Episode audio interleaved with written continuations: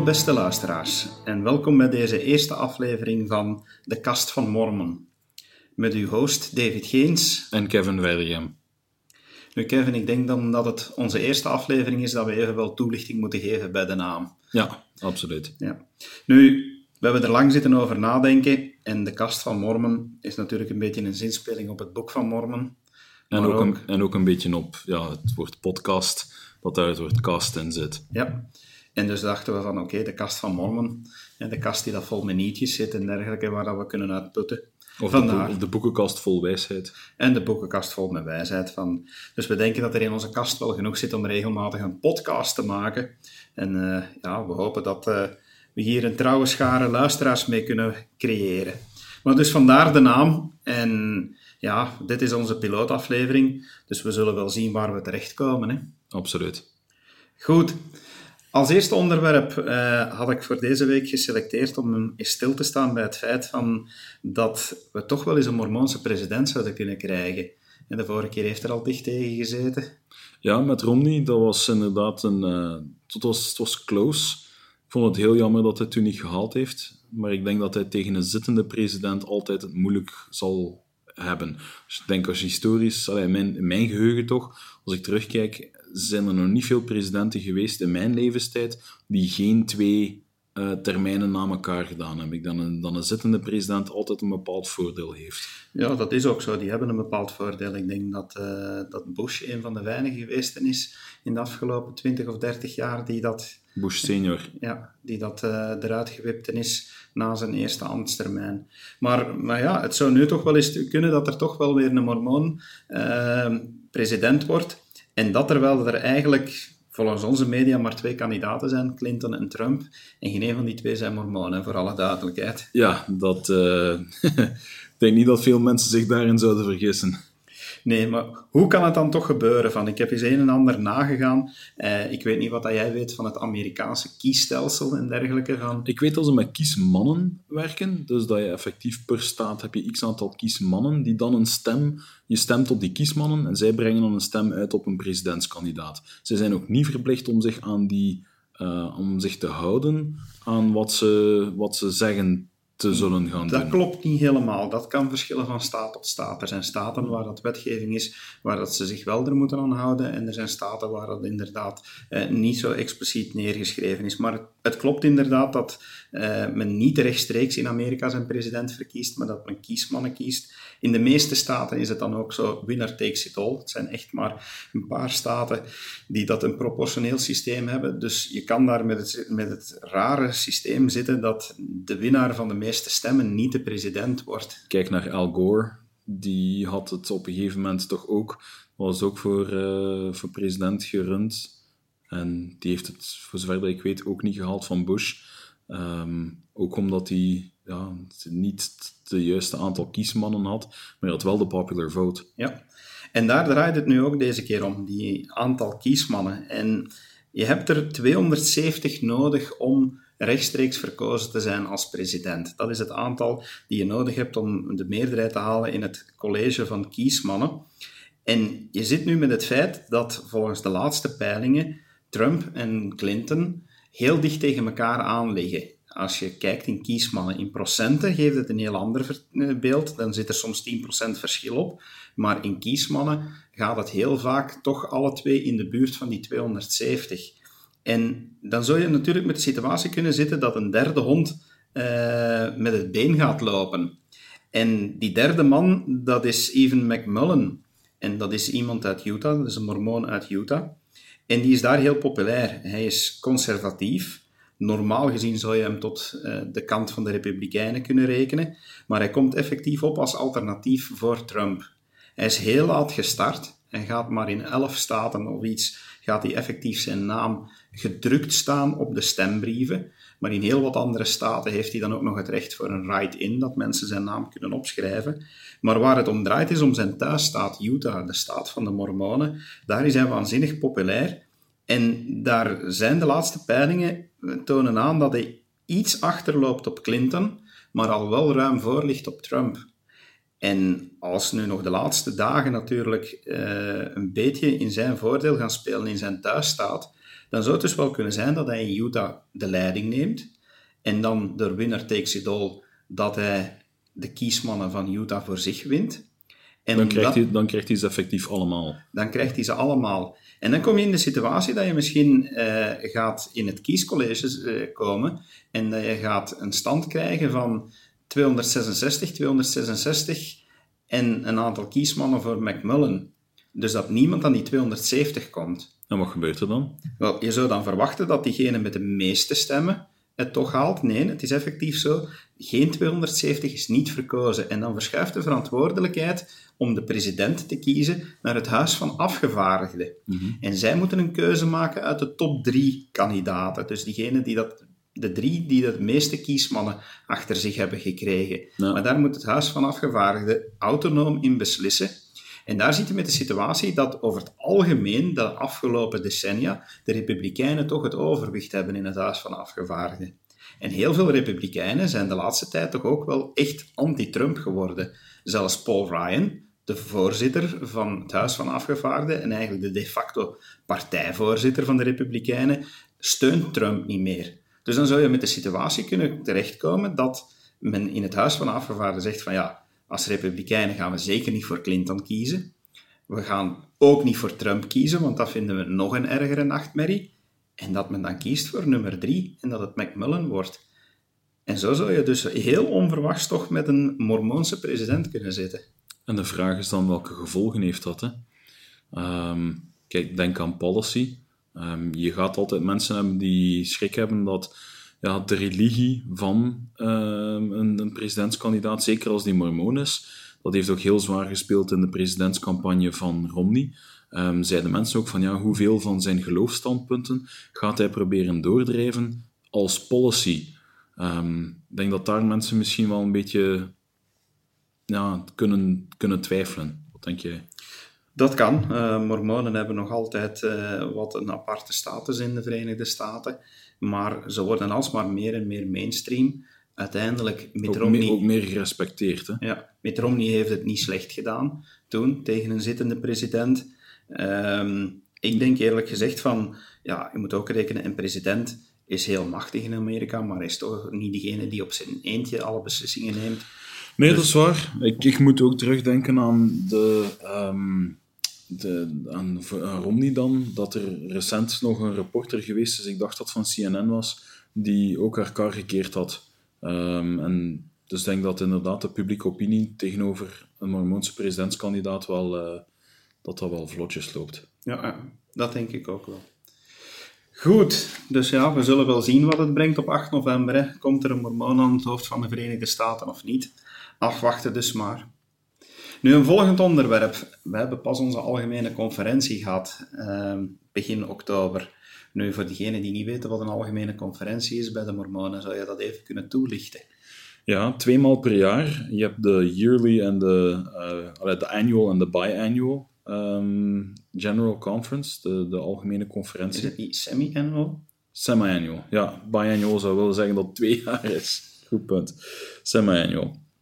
Um, en dan worden wij toegesproken door onze kerkleiders, waaronder de profeet, de, de president van de kerk, zijn raadgevers, de twaalf, het koren van de twaalf apostelen, maar ook allerlei zeventigers en ook vrouwelijke um, ja, leidsters bij ons in de kerk, die dan aan het hoofd van de zusterhulpvereniging staan bijvoorbeeld.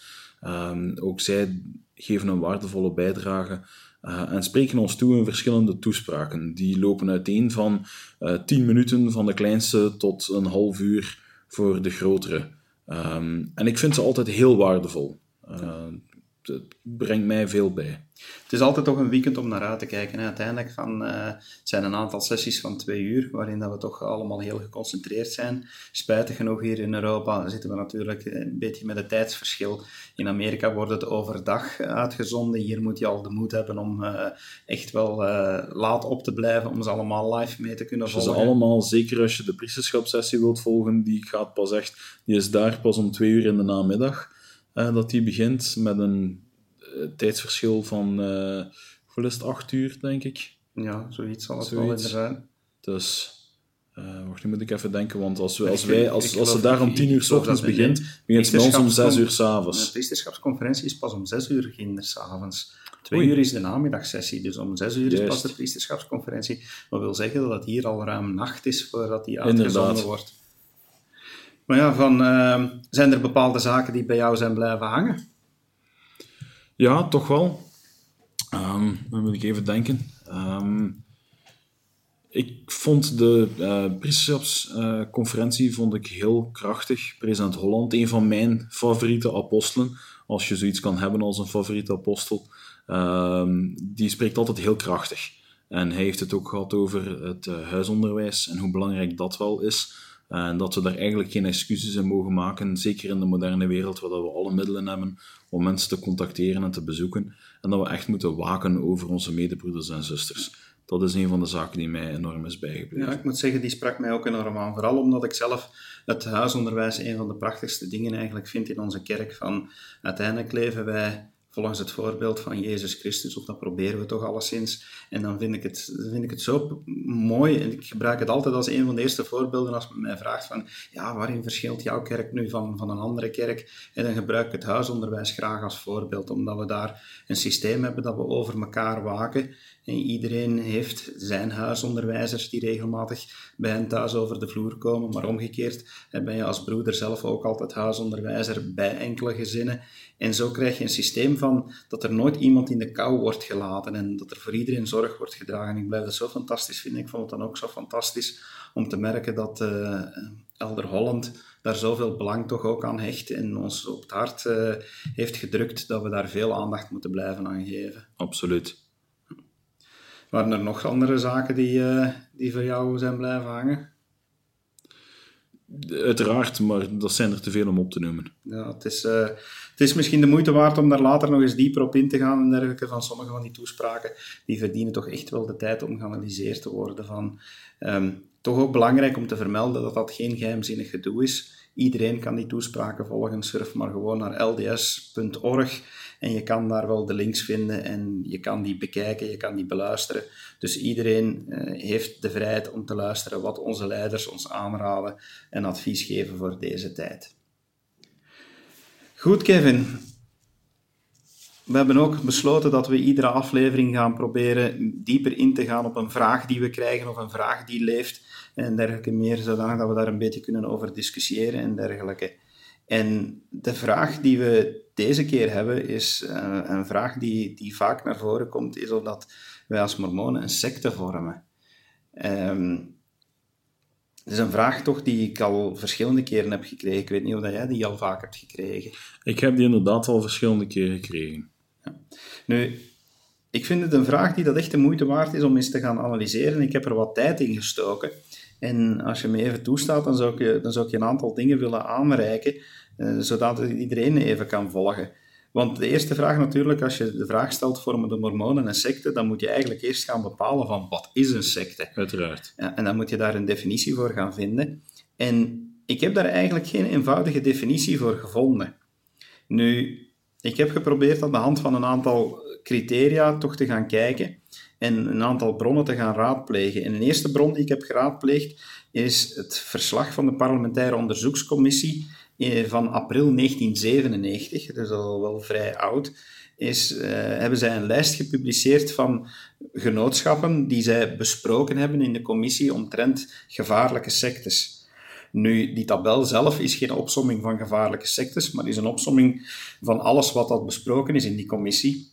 Dus je zou kunnen zeggen, ja, wie dat daarop staat, heeft tenminste het vermoeden van een secte te zijn.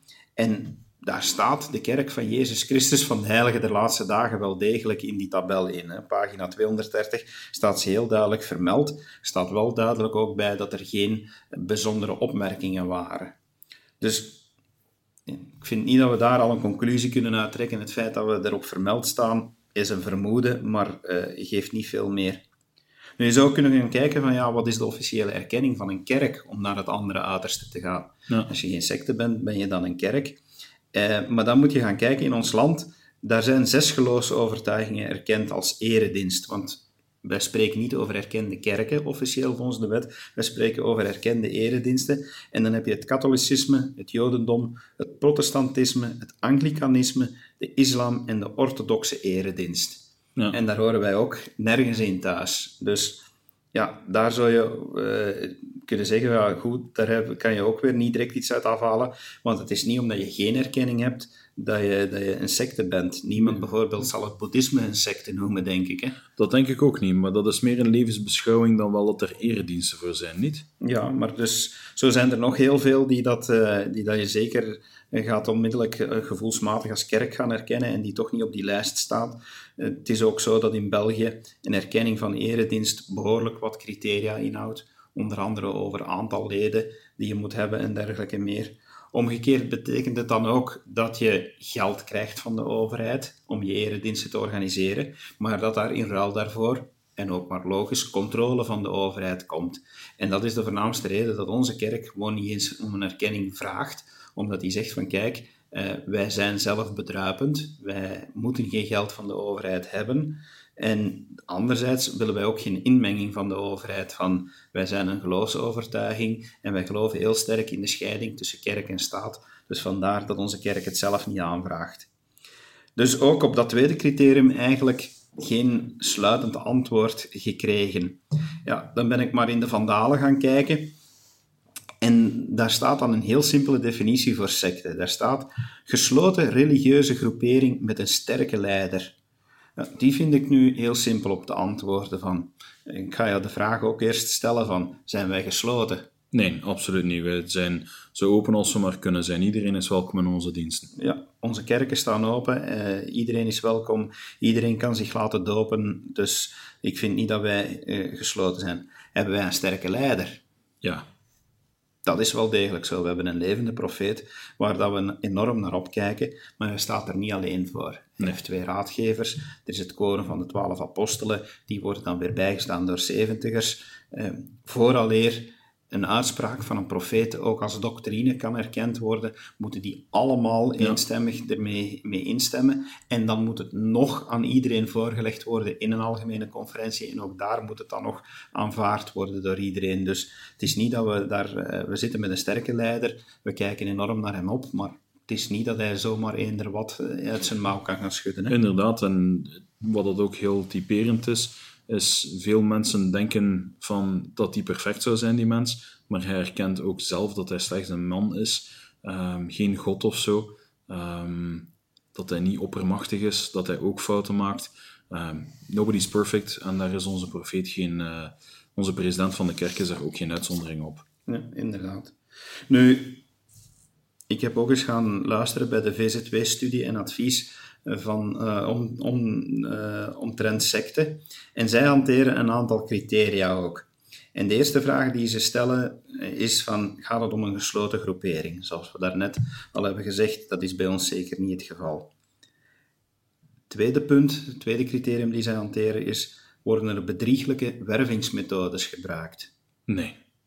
Ook dat is heel open. Sterker nog, de handleiding die onze zendelingen gegeven wordt om um, het evangelie, de basis van het evangelie te onderwijzen aan mensen, kan iedereen gewoon online raadplegen.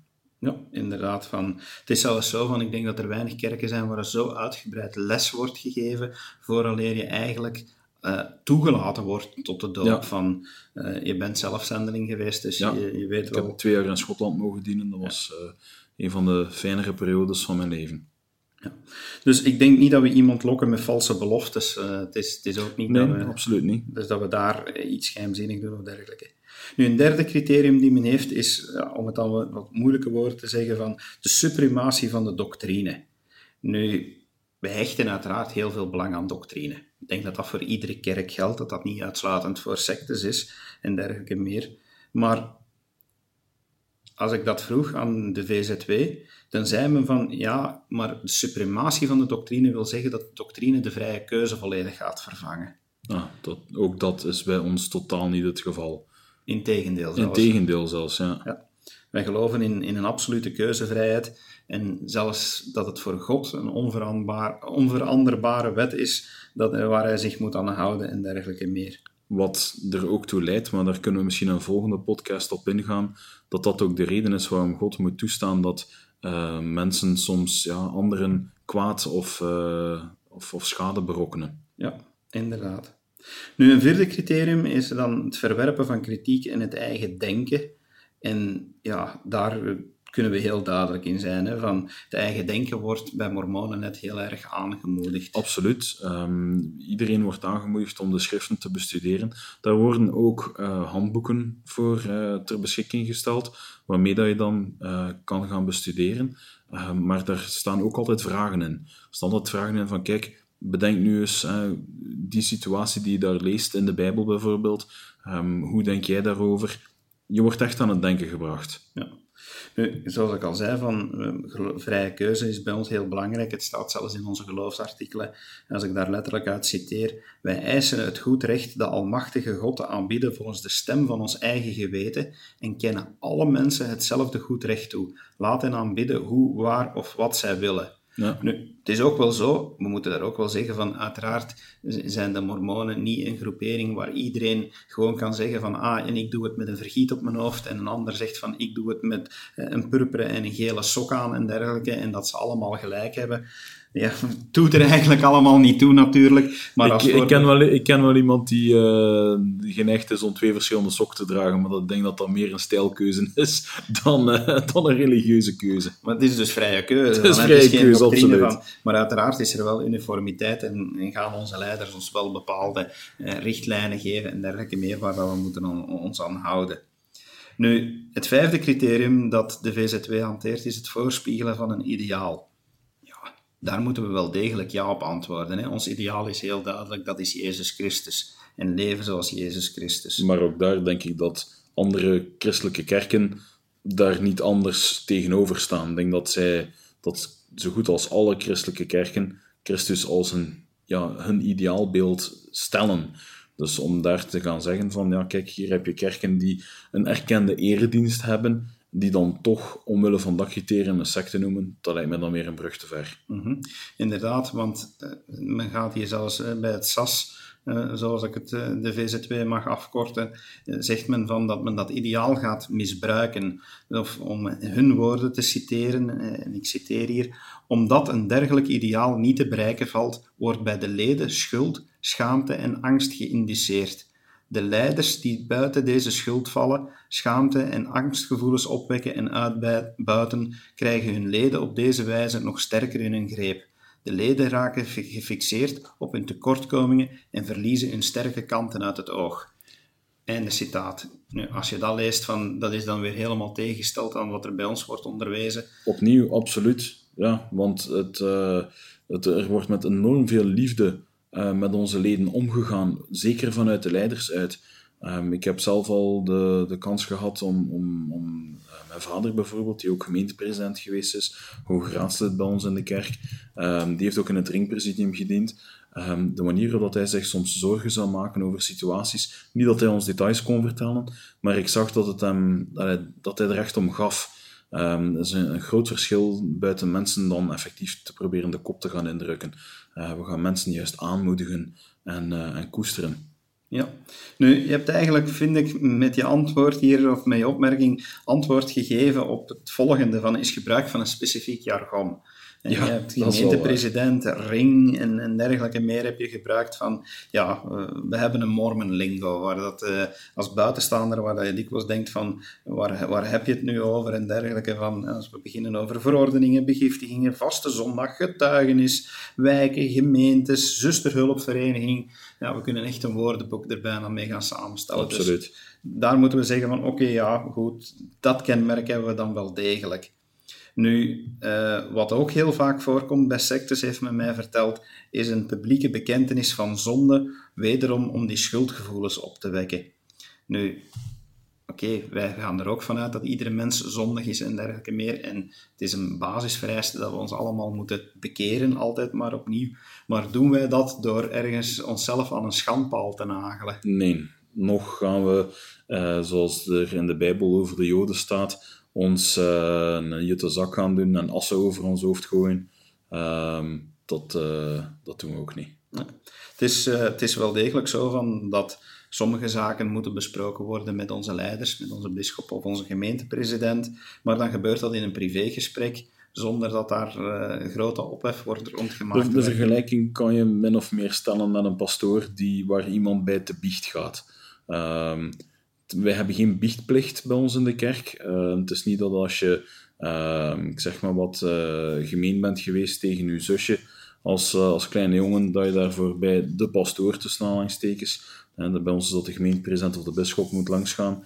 Um, maar als je zwaardere zonden begaat, is dat wel het geval. Ja. Nu, we zitten inmiddels dan aan kenmerk nummer 8.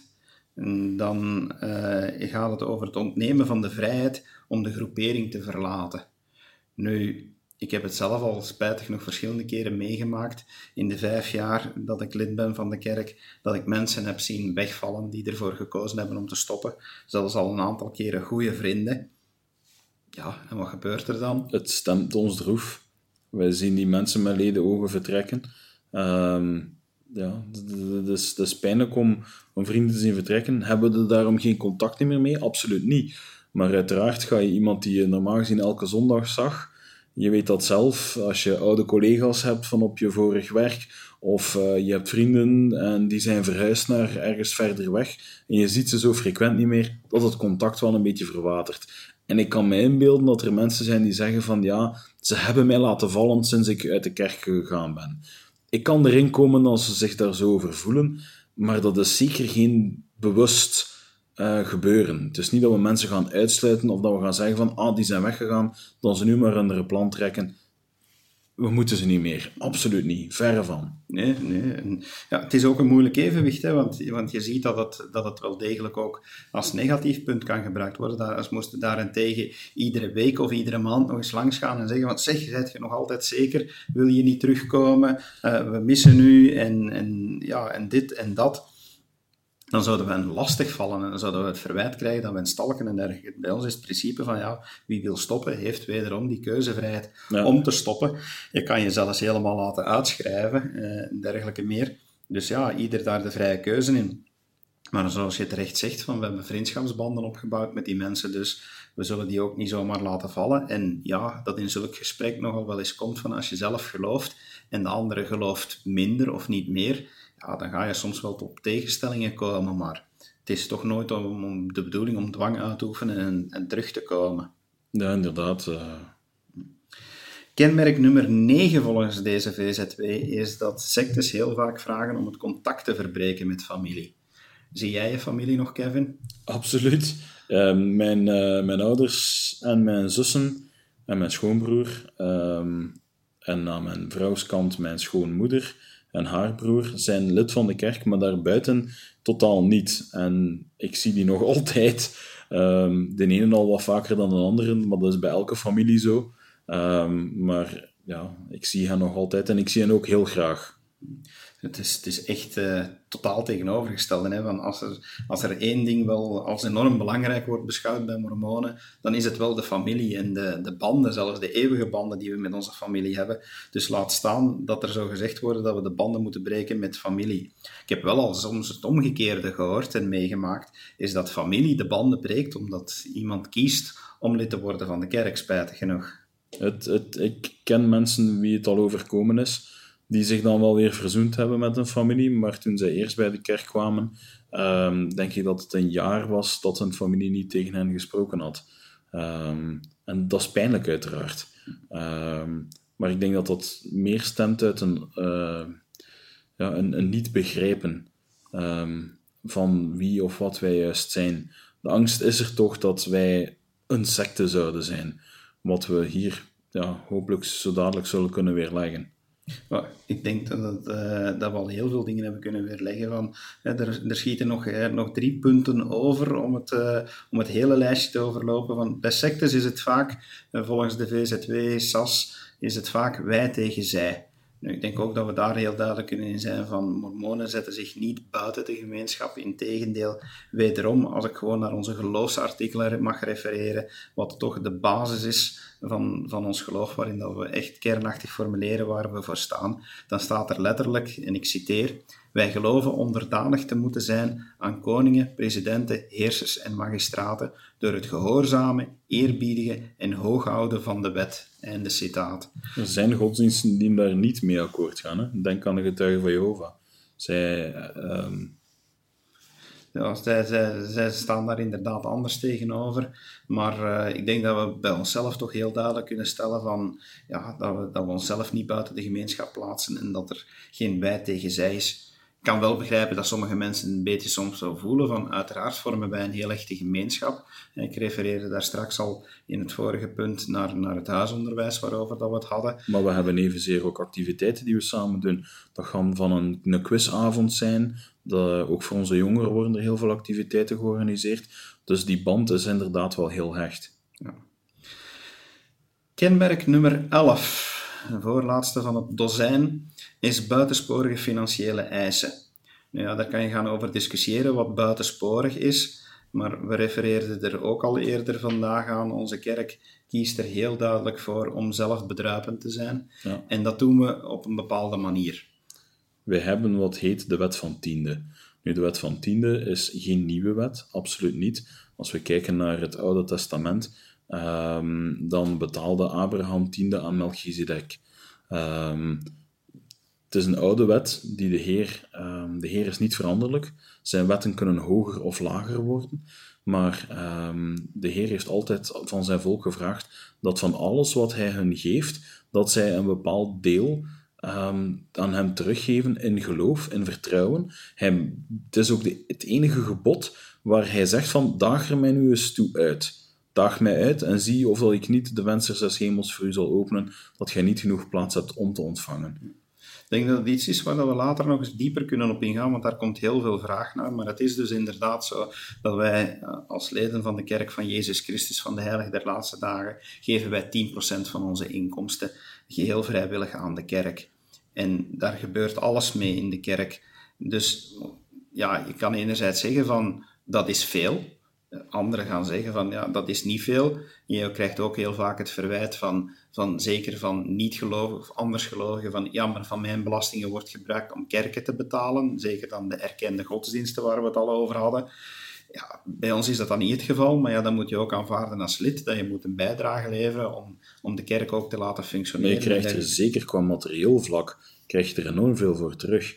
Je hebt een mooi onderhouden kerkgebouw dat steeds verwarmd, verlicht is Ehm, de, de, boeken die gedrukt worden, de websites die onderhouden worden. Ehm, de kerk heeft een enorme online presence tegenwoordig. Dat kost ook allemaal geld. Ehm, ik, ik moet zeggen dat ik waar krijg voor mijn geld. Ja, zo kan je ook wel stellen. En is 10% veel? Langs de andere kant, aan de Belgische staat geven we 50%. Dat is vijf keer zoveel. Dus uh, of het buitensporig is en of het ons pluimt, laat ons dat dan gewoon maar in het midden houden. Maar ik vind het best aanvaardbaar. En het laatste kenmerk hangt ook weer een beetje samen met dingen die al aangehaald zijn, is het weren van andersdenkenden. Is dat je een gesloten gemeenschap gaat vormen. En ja, je kan natuurlijk zeggen dat binnen onze kerk dat er een gemeenschappelijk uh, geloof is. En je kan natuurlijk niet aanvaarden dat er leden zijn die plots gaan zeggen het is wit, terwijl de doctrine zegt dat het zwart is. Maar ja, het is niet zo dat, dat de andersdenkenden bij ons eh, geen plaats hebben of dergelijke. Want het is niet omdat je eh, over, over bepaalde zaken anders denkt dat je er onmiddellijk uitvliegt en dergelijke. Ja, we hebben ook het systeem van excommunicatie. Uh, als, je, als je het inderdaad te bond maakt uh, en, en fundamentele uh, geloofsdoctrine gaat overtreden en dat dan nog voornamelijk ook gaat verkondigen als zijnde van ja, maar dit is de juiste manier, ja, dan zijn er bepaalde disciplinaire maatregelen. Mm -hmm. Maar het gebeurt heel, heel weinig. En het is niet zo van dat er echt een gedachtepolitie is die, die op alles gaat jagen.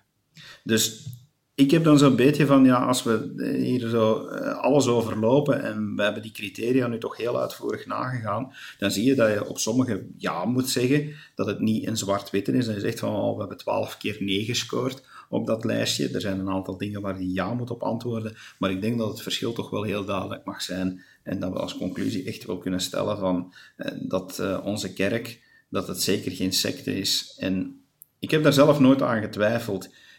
Maar ik denk dat het beste advies dat we aan iedereen kunnen geven is van kom eens langs als je het wil meemaken. Kom op een zondag eens langs. Surf naar mormon.org. Zoek waar een kerk in je buurt is. Zoek om wat uur op zondag dat de diensten daar beginnen. En ja, uh, kom eens langs.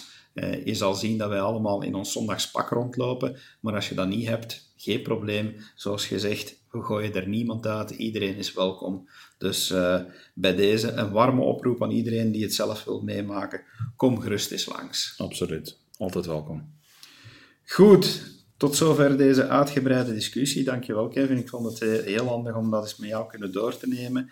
Uh, al die criteria en dergelijke meer. Graag gedaan. Nu, ik denk, uh, we hebben nog een paar interessante nietjes in onze kast zitten waarmee dat we uh, wat nog kunnen gaan afronden.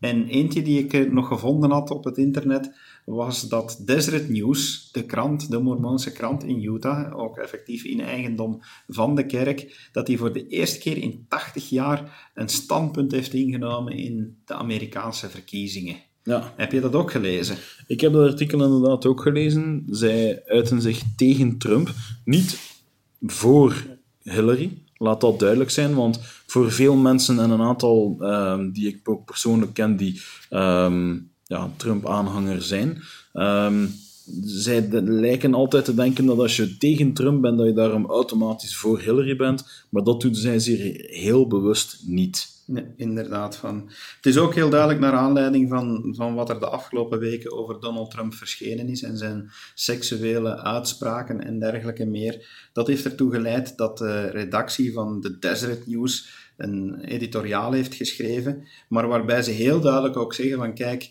hoewel deze krant eigendom is van de kerk van Jezus Christus van de Heilige der Laatste Dagen, is dit een standpunt van de redactie en niet van de kerk, want de kerk blijft politiek neutraal op dat punt. Maar het is wel heel opvallend dat uh, toch uh, die krant uh, voor het eerst in 80 jaar een standpunt inneemt. Ik denk dat het heel goed te hang geeft van hoe wij als mormonen staan tegenover een persoon als Donald Trump, die het niet zo nauw neemt met seksuele moraal en dergelijke dat hij dan toch zulke reacties uitlokt. Toch heb je nog steeds leden die Trump al aanhangen. Maar opnieuw, dat is een vrije keuze. Dat is een goed recht. Iedereen moet dat voor zichzelf beoordelen. En er speelt meer dan één reden mee natuurlijk. Van, Desert News heeft ook duidelijk niet gezegd van, heeft geen stemadvies gegeven. Ze hebben alleen gezegd van, kijk, wij denken dat Trump met hetgeen wat nu naar buiten is gekomen, beter de eer aan zichzelf zou houden en zou stoppen met deze race. Nu, dat brengt me bij een ander punt, iets wat er nou uh, bij aansluit, want ik zei net wel van, ja, de kerk neemt zelf geen politieke standpunten in en geeft geen stemadvies. Wel, eigenlijk moet ik daar mezelf een beetje in verbeteren, want ze hebben wel een stemadvies gegeven. Ja. Uh, maar dat, uh, dat is voor de eerste keer dat ze eigenlijk heel uitdrukkelijk meespelen in iets bepaald. Uh, maar het gaat hem niet zozeer over stemmen over personen, maar wel over bepaalde onderwerpen. Ja. Weet je welke onderwerpen? Ja, het gaat hem hier nu over euthanasie en het, uh, het gebruik van marihuana. Ja, wat veel mensen misschien niet realiseren is dat uh, tijdens de verkiezingen in november, op 8 november, dat er in heel wat staten ook lokale verkiezingen zijn, maar dat men tegelijk ook referenda organiseert over bepaalde standpunten. En er zijn verschillende staten die dat nu nadenken over wetgeving omtrent de euthanasie en het uh, vrije tijdsgebruik van marihuana. Mhm. Want het gaat wel degelijk daarover. Men spreekt zich niet uit over uh, geneeskundig gebruik van marihuana. Maar de kerk, onze leiders, onze profeet en het eerste presidium heeft heel duidelijk gezegd van kijk, wij geloven toch dat we vanuit ons geloof niet anders kunnen stellen dat we eh, niet voor euthanasie zijn en dat we niet voor het gebruik van drugs zijn. Mhm. Dus zij roepen de leden ook op in die staten waar die vraag wordt voorgelegd om uitdrukkelijk tegen euthanasie te stemmen en tegen het vrije gebruik van marihuana. Ja. Nu, ik denk, op zich moeten we daar niet verwonderd over staan dat onze leiders wel een waarschuwing geven om, over morele kwesties en daar dan toch in zeggen van kijk, we denken dat je het best op die of die manier kan stemmen. Ja. Er is op een gegeven moment, terwijl ik op zending was in Schotland, was er ook de, het geval van de. Um, um, als er een, uh, een, De kwestie was als er een transseksueel zou willen trouwen in ons kerkgebouw, of er dan al dan niet een, um, een, een, een bisschop die daar het recht heeft om mensen te huwen, nota bene voor de wet, om dat te weigeren omdat dat ook een punt is van godsdienstvrijheid. En dan heeft de kerk ook aangeraden om naar hun um, ja, um, politieke leider te schrijven En duidelijk te maken van, kijk jongens, hier, hier zijn wij toch geen voorstander van. Wij willen dat godsdienstvrijheid, trouwens ook heel belangrijk en heel actueel uh, voor de kerk. Uh, zeker ook met Trump, die daar toch uh, een stok tussen de wielen wil, wil gooien. Uh, dat godsdienstvrijheid heel belangrijk is. Um, en de kerk zal daar inderdaad ook in adviseren. Ja. Goed. Um, nog een, een, een, leuk nieuwtje om ja. mee af te sluiten. Iets wat je zegt van, huh, hoe komen ze daarop van... Laat ik jou eerst eens een vraag stellen, Kevin. Heb jij naar de laatste volle maan gekeken? Uh, ja. Is jou daar iets aan opgevallen? Die was marginaal groter, hè? Die was inderdaad een heel stuk groter, een, een, supermaan zoals men die noemt. En daar is 2016 een heel speciaal jaar voor, want we gaan er nu drie op een rij hebben. Ja. Ook uh, 14 november en 14 december hebben we opnieuw een supermaan. Even ter verduidelijking, een supermaan is wanneer de maan op, het, op een van zijn dichtste punten in zijn baan om de aarde staat. Dus het is niet dat je de maan ineens drie keer zo groot in de hemel gaat zien, maar ze gaat wel groter zijn en de aantrekking tot bijvoorbeeld de golven um, gaat ook net iets groter zijn dan, uh, dan anders. Ja. En het is voornamelijk de perceptie dat ze groter lijkt. Doordat ja. ze dichterbij staat, krijg je dus een ander perspectief en, ja. en, lijkt ze dus groter en dergelijke meer. En het is zelfs zo dat uh, de volgende supermaan, nu in november, een van de grootste, uh, ik denk zelfs de grootste van de eeuw gaat zijn, omdat ze mm. dan echt op haar dichtste punt staat. Nu, waarom kom ik daarop? Is omdat uh, er wel ook verwarring ontstaat, omdat vorig jaar, in, uh, echt ongeveer een jaar geleden, in september 2015, werd er hier en daar wel gezegd van dat de maan sommige mormonen deed panikeren en echt deed geloven dat het laatste oordeel ja. uh, in aantocht was. Maar dat heeft te maken niet zozeer met een supermaan, dan wel een bloedmaan. En de vorige ehm, supermaan die we gehad hebben, was toevallig ook een bloedmaan. Um, nu, wat is een bloedmaan? Dat is eigenlijk omdat um, wanneer de aarde tussen de zon en de maan komt te staan, moet het licht van de aarde, uh, de, het licht van de zon, door de atmosfeer van de aarde gaan. En omdat dat op zo'n ja, bepaald uh, niveau is, worden bepaalde kleuren eruit gefilterd, behalve rood. En omdat het oppervlak van de maan nogal wittekes is, kleurt die ook rood en lijkt het inderdaad alsof dat de maan bloedt, als het ware. Maar van waar dan het feit dat, uh, dat men zou denken van dat dat te maken heeft met, uh, met het laatste oordeel?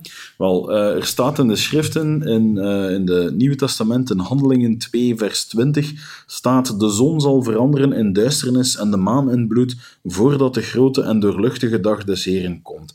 Het is met andere woorden een teken des tijds zoals wij dat uh, in onze kerk uh, heten. Ja, nu, er is vorig jaar heel wat rond te doen geweest en heel wat media hebben dat opgepikt. Dat heeft zelfs hè, de, de media in Nederland en Vlaanderen gehaald en dergelijke meer. En eigenlijk was dat een, een beetje een, een rare samenloop van omstandigheden.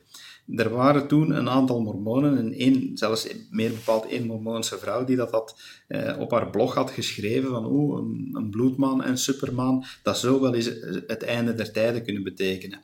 En heel wat mormonen hebben dat overgenomen en zijn daar beginnen over te praten en dergelijke meer, zonder daar echt veel conclusies aan te hechten. Maar ja, het werd bijna een dagelijks gespreksonderwerp. En dan heeft de leiding van de kerk besloten van, hé jongens, we moeten er even wel op wijzen dat de uitspraak van één bepaald lid niet mag verward worden met doctrine. Absoluut.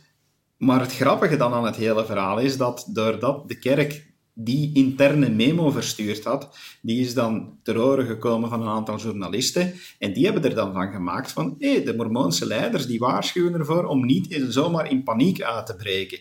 Terwijl dat, dat helemaal niet de teneur was van de boodschap van de kerk. Die hebben gewoon gezegd van hé, opletten eh, dat je niet in de kerk plots dingen gaat verkondigen die helemaal niet waar zijn of, eh, of die losstaan van iets. Mm -hmm. Dus je ziet van een goed bedoelde waarschuwing werd dan nadien gebruikt en dan heeft de kerk echt opnieuw moeten reageren op al die media-aandacht en zeggen van kijk, uh, het, is, het is heel duidelijk van dat wij weten dat dit als een van de tekenen destijds wordt gezet en dat het nu echt een heel rare samenloop is van een supermaan en een maansverduistering. Eh, maar we waarschuwen gewoon de leden ervoor om niet vast te geraken in een paniekgedachte of dergelijke meer en allemaal beginnen als kip zonder kop rond te lopen, want dat zou uiteindelijk helemaal niet de bedoeling kunnen zijn van als de dag des oordeels aanbreekt.